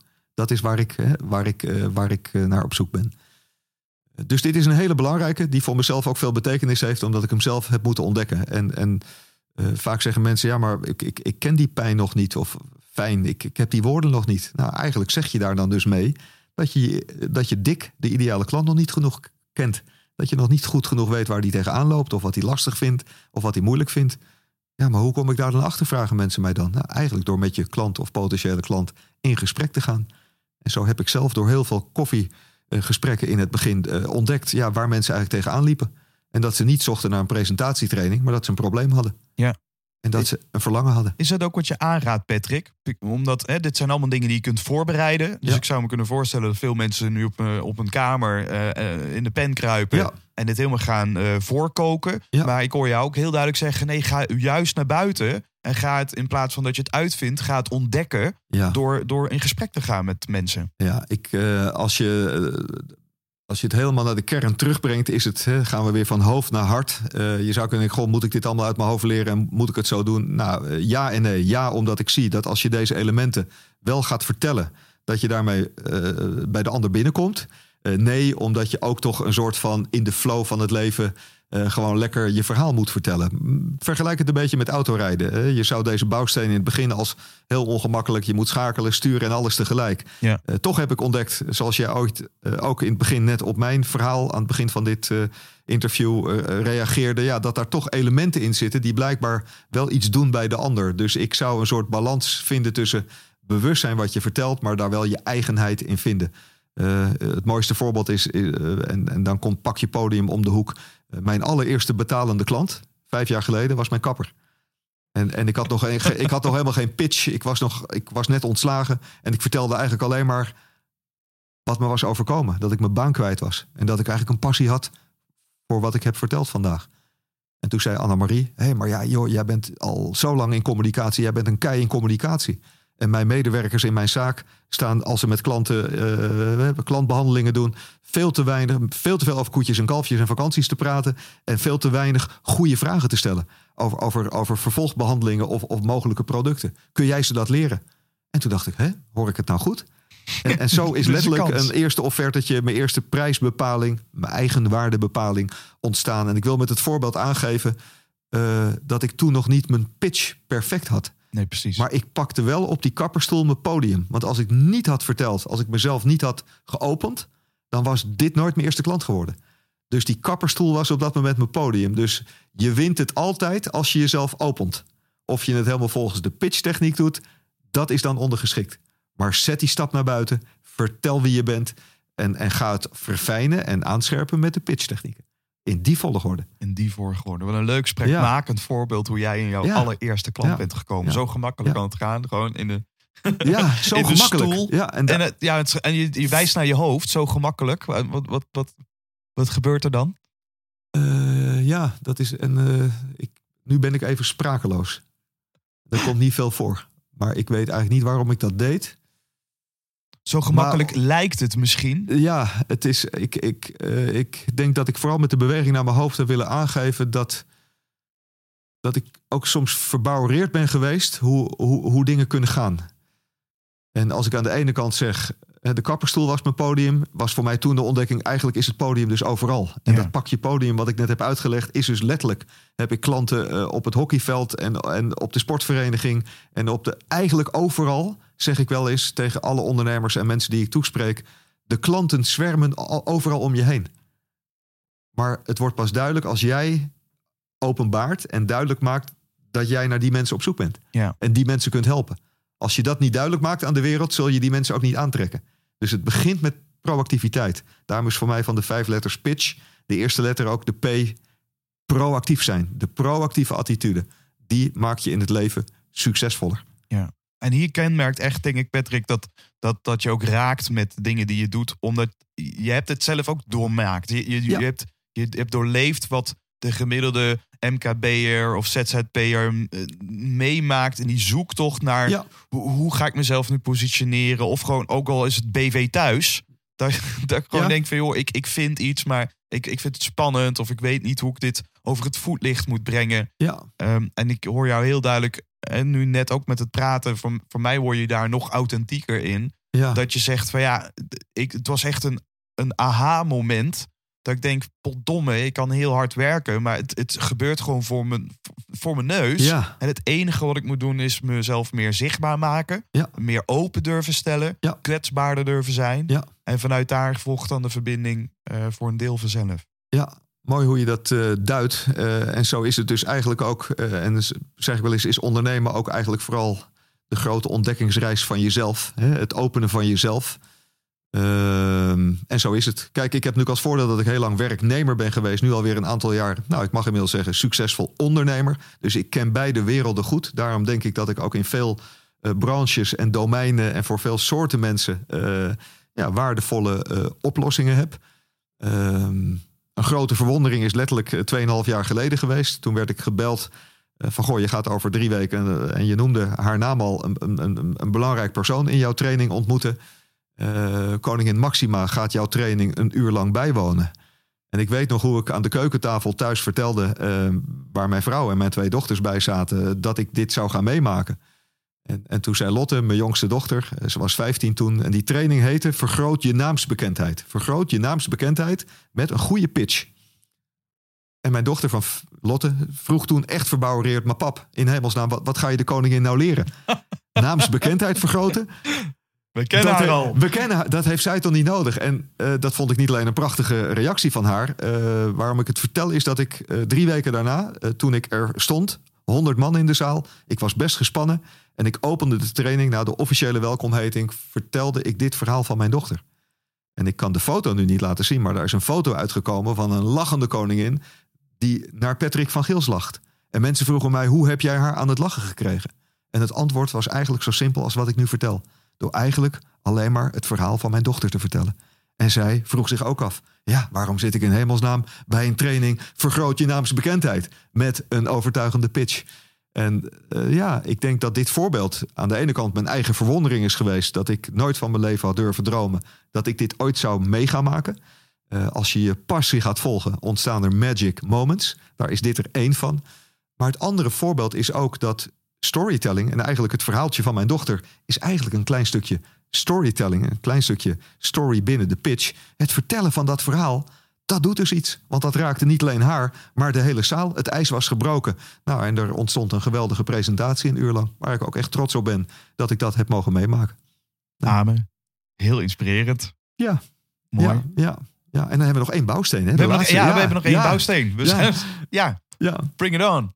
Ja, ja, ja. Nou ja, eh, ik ga helemaal terug naar het voorbeeld waar we begonnen dit gesprek over, over hoe kwam je nou bij McDonald's? En ik, ik, eh, ik heb verteld dat ik blijkbaar bevlogen overkwam. Ehm, ik werd laatst gebeld door een franchise-nemer van McDonald's. En die zegt, jij stond vroeger altijd zo op dat podium. Hij zegt, ik dacht, ik, ik, ik dacht dat je het altijd tegen mij vertelde. En ik keek op dat podium staand met een volle zaal. Eigenlijk alleen maar bewust goed in de ronde. Maar hij dacht dat ik het tegen hem vertelde. En wat zeg ik met dit voorbeeld? Dat ik eigenlijk heb ontdekt dat je de snaar bij de ander raakt. Niet alleen of je de vijf bouwstenen goed in je hoofd hebt en goed uit je hart kunt uitspreken. Maar dat er één magic bouwsteen is, en die noem ik SEEP. Z-E-E-P. eh, die blijkbaar Patrick altijd heeft doen laten overkomen wat voorbij de inhoud ging. Blijkbaar straalde ik, als ik voor één iemand of voor een groep stond, altijd iets uit van zin. De zet van zin, dat ik er zin in had. Soms zei ik het ook, ik heb er zin in vandaag. Wat doet dat met mensen? Ja, dat doet iets met mensen. Blijkbaar straalde ik de E van energie uit. Ik stond niet, in tegenstelling tot vele collega's, vastgeplakt op één plek op dat podium, omdat ze allemaal gevangen stonden in hun eigen spanning. Maar ik durfde te bewegen op dat podium. Ik durfde soms de zaal in te lopen. Dat was energie. De tweede E, zeep, enthousiasme. Blijkbaar kwam ik door mijn stemgeluid en door hoe ik keek, met een lach op mijn gezicht, ook al vond ik het bloedspannend, blijkbaar kwam ik enthousiast over op de ander. En de P van passie, ja, blijkbaar voelden mensen mijn passie. En wil ik dus eigenlijk als zesde en laatste bouwsteen eh, in een woest aantrekkelijke pitch toevoegen, dat je vooral bij de ander binnenkomt als je het ook vertelt met zeep, met zin, met energie, met enthousiasme en passie. En dat laatste, ja, ik denk dat dat echt wel het magische geheime goedje is waarmee je de ander kan inzepen. En de ander echt, echt gewoon een blij Letterlijk gevoel kan. inzepen. Letterlijk en figuurlijk kan Ja. inzepen. Tel je Dus verhaal met zeep. eigenlijk wel. In die zin is pitchen voor mij dus ook de ander inzepen. Hè, met die metafoor. Precies. Hey, en hoe zeep jij jouw eh, leerlingen en deelnemers in? Want ik kan me voorstellen dat dit de zin, de energie, dat dit de passie, dit zijn doorgaans wel zaken die je misschien hebt wanneer dat je op een podium staat of wanneer Ja. dat je het niet hebt. Vaak Ja. is er een contradictie die mensen zeggen van ja, maar ik, ik ben nou eenmaal Ja. introvert en eh, dus dit is niks van mij. Ja, het is een interessant, interessante vraag. Eh, heb ik ook echt moeten ontdekken. Hè? Dus deze woorden heb ik in het begin heel erg. eh, de afkorting is ontstaan, hè? dus het was niet gelijk zeep, maar het was ooit C. Het was T wel was C. En, en toen zei iemand, eh, iemand in een groep: klanten brengen je vaak op de beste ideeën. Die heeft Klopt. er ooit een P aan toegevoegd. En toen werd het zeep. En toen was het rond. Want toen dacht ik: hé, die kist is een zeepkist. En een jaar daarna zei iemand in een groep letterlijk: hé, dan heb je ook zeepjes. Zeker. Exact. Echte zeepjes. En toen dacht ik: die ga ik laten maken. En die heb jij vandaag geroken en gezien. Echte zeepjes met dit woord erin en deze vier woorden erin gestanst. Dus zo kom je ook door in connectie te zijn met anderen, kom je ook soms op ideeën. Eh, hoe heb ik dit? Hoe leer ik anderen om hun eigen zeep te vinden? Want dat is volgens mij wat je ook vraagt. Precies. Eh, in grote groepen ehm, vraag ik al, soms voelen mensen weerstand op een van die vier woorden. En dan zeg ik kies één woord uit waar je wat bij voelt. Nou, kies één woord uit. Nou, dan zegt iemand eh, energie. Oké, pak dat woord dan vooral vast en ga je energie meer voelbaar maken. Dus in grote groepen. Als ik met kleine groepen werk, dan vraag ik toch om iedereen uit te laten spreken. Wat ziet de ander in jou als jij er zin in hebt? Wanneer kan een ander jouw energie voelen? Hoe ziet een ander dat jij enthousiast bent? En hoe kan ik jouw passie opmerken? En in kleine groepen kun je letterlijk op deze vier woorden dan een verdieping maken. Want hoe merk je dat je er zin in hebt? Nou, dat zit vaak voor veel mensen op het niveau van de mimiek. Kijk nou maar blij. Dat oogt als dat je er zin in hebt. Hoe ervaar je energie? Veel mensen zeggen als je bewegelijk bent en niet vastgenageld staat. Ook je handen mogen bewegen. Je mag zelf bewegen.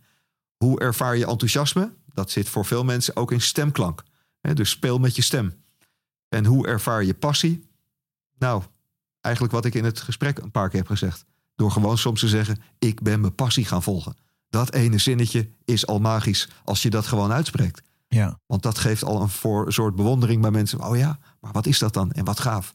Nou, en zo is zeep ook wel tot een soort co- concretiseringsslag gekomen. Precies. Beantwoordt dat jouw vraag? Ja, zeker. En ik kan me ook heel goed voorstellen dat dat passie een soort cement is tussen die verschillende bouwstenen heen. ja. Want als jij jezelf ziet als aanmerk Ja. en je weet wat voor medicijn je hebt en wat voor pijn je daarmee voorkomt, ja. Dan ontstaat die passie natuurlijk Ja. eh, vanzelf. Dat je meent wat je zegt en niet een soort ja, bedacht verhaaltje waar je zelf eigenlijk ook nog niet helemaal achter staat. Precies. eh, ja. op staat te hangen. Ja. Kijk, en eigenlijk heb ik een, eh, gemerkt de laatste jaren in mijn eigen aanbod. Hè, we hebben nu een gebouw. Als we letterlijk ons gesprek als een gebouw zien, eh, hebben we nu letterlijk zes bouwstenen. Hebben we letterlijk zes verdiepingen, hè, tot zes verdiepingen aangetipt. Ik heb eh, de afgelopen jaren een gebouw tot 100 verdiepingen ontwikkeld. Dus op het gebied van pitchen en presenteren heb ik 100 tips, 100 bouwstenen. Die allemaal gaan hoe je naar kleine en grote groepen in korte en lange contactmomenten vanuit van binnen naar buiten, hoe je meer impact kunt maken en de ander kunt betoveren. Eh, en dat gebouw is inmiddels een gebouw tot 100 verdiepingen. En we hebben dan nu vandaag, ja, misschien tussen de regels door, veel meer tips gegeven. Maar in ieder geval zes verdiepingen hebben we aangeraakt. Ja. En die zes verdiepingen, die resulteren al in een, in een ja, ik vergelijk het wel eens met muziek. Ik begon dit gesprek met dat ik een passie heb voor muziek. Het mannetje van de radio. Eh, als je een liedje bekijkt, een, een liedje, dan zie je dat dat qua songtekst is opgebouwd uit twee elementen. Daar zit een refrein in en coupletten. En een refrein is het steeds weer repeterende stukje wat terugkomt. En, en probeer de zes bouwstenen van vandaag, dat zou ik de luisteraars ook willen meegeven, een beetje te zien als je algemene refrein. Je algemene boodschap van jezelf, van je bedrijf, wat jij kunt betekenen voor anderen. Maar daarnaast leer ik mensen ook hun persoonlijke pitch, of hun bedrijfspitch, of hun productpitch, of hun nieuwe klantenpitch, of hun beurspitch, of een verjaardagsfeestjespitch. Kun je je voorstellen zijn, ze zijn zoveel verschillende dat er smaakjes. verschillende eh, toepassingsgebieden en plekken zijn die allemaal eh, verdiepingslagen hebben. En dat Ja. bedoel ik met een gebouw van 0 tot 100.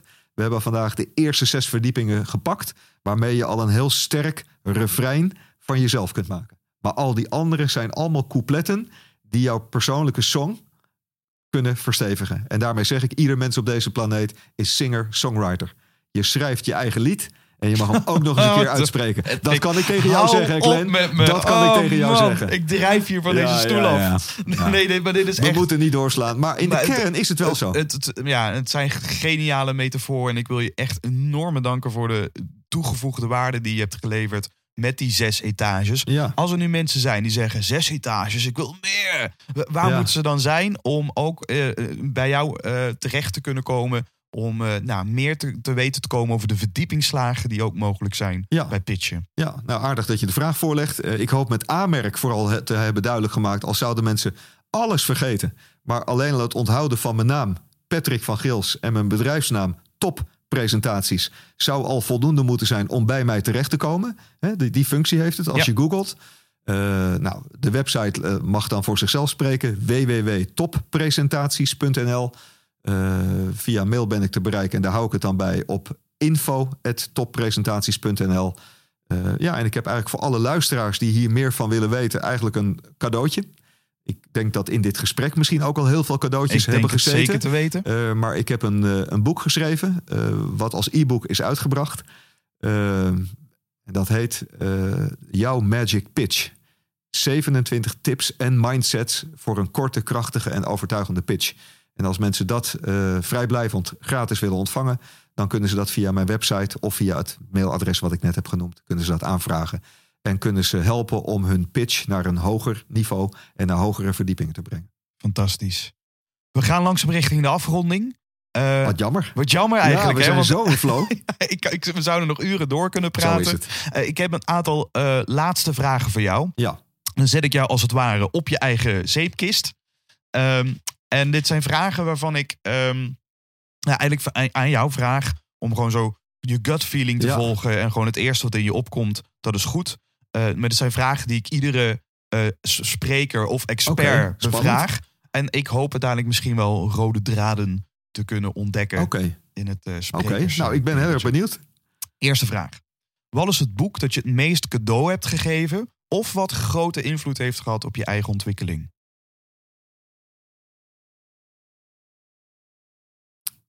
Eh, The Seven Habits of Highly Effective People. Eh, omdat ik daarin las en ook aan anderen heb gegeven. En dit is voor jou meer dan bekend, want dit is jouw professie. Maar dit boek komt bij mij omhoog, omdat ik toen ik dat las... en ik kocht het in Amerika. Ik had een training voor McDonald's in Chicago gevolgd. En ik kocht het voordat ik het vliegtuig instapte. En toen ik het las, zag ik daar zoveel herkenning in... waar ik jarenlang onbewust al wel dingen in deed... maar eigenlijk naar op zoek was naar een soort van houvast en verankering. Mooi.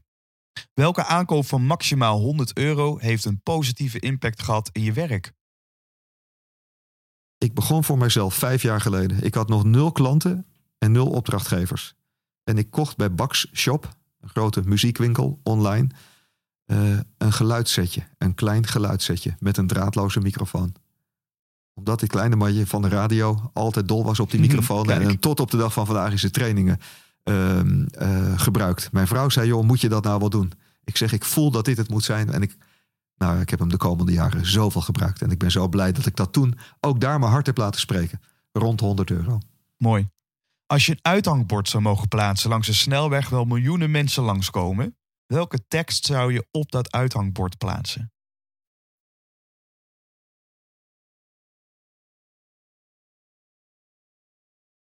Ik zou beginnen met een vraag. Omdat ik vandaag ook op willen duidelijk maken dat een vraag veel krachtiger is dan een uitroep. Mooi. Wat is jouw verhaal? Vraagteken. En omdat het beperkte ruimte is, zou het antwoord zijn: ik als afzender, het aanmerk. Als je dan of Patrick van Geels of mijn bedrijfsnaam onthoudt, dan zou dat misschien de pr- prikkel zijn om eh, vanuit die vraag eh, bij mij terecht te komen. Goed antwoord. Wie is een voorbeeld, idool of inspiratiebron voor jou? Eigenlijk Ray Kroc, een naam die veel mensen niet kennen. Maar Ray is de man die op zijn 55ste, nadat hij jarenlang vertegenwoordiger was in Amerika van milkshake machines, was, uiteindelijk de formule McDonald's van twee broers kocht. En van zijn 55ste tot zijn dood die formule in de wereld groot en succesvol heeft gemaakt. Is daar niet een film van gemaakt Ja, ook? de founder. Ja. En eh, toen ik eh, voor mezelf begon een paar jaar geleden, eh, was ik 46. En toen spookte Ray's naam een aantal keer door mijn hoofd. Ik dacht namelijk toen dat ik te oud was om mijn droom en mijn hart nog te gaan volgen. Ik dacht, ja, maar het is te laat om daar nu nog mee te beginnen. En toen dacht ik, fuck it, ik mag het niet zeggen nu. Maar ik zeg het toch, hij begon op zijn 55ste met zijn droom. Waarom zou ik mezelf wijsmaken dat het voor mij te laat is om mijn hart en mijn droom te volgen? Dus in die zin heeft hij die prikkel aan mij gegeven. Mooi, mooi. Over muziek gesproken. Wat is een favoriet muzieknummer of een soort anthem die je graag luistert voor of na het spreken? Ik ben dol op muziek, dus keuzes maken in muziek is het aller, aller, Ja. allermoeilijkste. Ik heb vorige week Bohemian Rhapsody gezien als film. Ik ben weer de muziek van Queen gaan voelen en alle muziek die daar in die film zit. eh, ook in de boodschappen die daarin zitten en de andere. Maar het liedje wat ik de laatste jaren heel erg gevoeld heb en heb toegepast is Happy van Pharrell Williams. En je zou kunnen zeggen, ja, als je hem te vaak hebt gehoord, dan doet hij misschien niet meer de snaar raken. Bij mij nog steeds wel. Eh, hij staat bij mij metafoor voor eh, zelf je eigen levensgeluk weer vinden. Eh, maar ik heb ook gezien als ik een plaatje opzet, happy in een training, dat mensen blij worden, gewoon omdat er muziek klinkt. En ik gebruik hem ook als metafoor dat dat lied zoveel herhaling in zich heeft. Ja. Dat de kracht van herhaling maakt dat je van je eigen pitch een hit kunt maken. Dus voor mij heeft dat lied heel veel Het is betekenis. een symboliek voor goed pitchen eigenlijk. Ja, het is, eh, ja, en voor mijn eigen levensgeluk. Mooi, Ja. mooi. Laatste vraag. De college tourvraag. Wat voor advies zou je een beginnend spreker geven? Wat zou een mooie allereerste stap zijn? dat je, dat je van jezelf vindt dat je genoeg bent. Je denkt altijd zo dat je meer moet zijn, dat je beter moet zijn dan dat je bent. Veel mensen voelen zich zo minder waardig. Ik heb nog nooit een b- 100 euro biljet ontmoet dat zich minder waardig voelt. Een 100 euro biljet, als het een mens zou zijn, voelt zich anders 100 altijd 100 euro. Maar hoe kan het nou toch zijn dat we als mens ons altijd vaker minder waardig voelen dan het omgekeerde. Je hoeft je ook niet beter voor te doen, maar ben wie je bent. En vanuit je ik de wereld in. Je bent een schatkist vol talent, vol kwaliteit en vol unieke punten. En dat heeft deze jongen misschien te lang onder het maaiveld gehouden. Die kist is opengegaan. En het geluk wat dat geeft eh, is zo fijn om daar de wereld mee te helpen. Dus als ik deze woorden in één zin moet pakken. Open je eigen schatkist. Pak je podium. Nou, daar heb ik niets aan toe te voegen. Patrick, heel erg bedankt voor dit inspirerende interview. Heel graag gedaan. Ik vond het een blijmakend gesprek. Dankjewel, Glenn. Graag gedaan. Dit was aflevering 3. Heel erg bedankt voor het luisteren. En ik wil ook zeker Patrick bedanken voor het openhartige gesprek. Naast de nodige pitchtrucs vind ik het echt heel mooi dat Patrick het meerdere malen, ehm, of meerdere malen benadrukt dat het pitchen alleen werkt als je er echt in gelooft. Van hoofd naar het hart. Want als je spreekt vanuit je hart, volgt de verbinding vanzelf. Meer informatie over zijn pitch- en presenteertrainingen via toppresentaties.nl. En via die weg kun je ook gratis zijn e-book downloaden over de 25 geheimen van een pakkende pitch. Was het interview tof, leuk of waardevol? Dan kun je je abonneren via jouw favoriete podcastkanaal, zoals Spotify en iTunes. En de interviews zijn ook te bekijken via YouTube. En alle show notes vind je op mijn eigen website Glenn of over sprekengesproken.nl terug. Op 15 maart staat een nieuwe aflevering voor je klaar met dan niemand minder dan verbaal meester hemzelf, Remco Klaassen. Tot dan.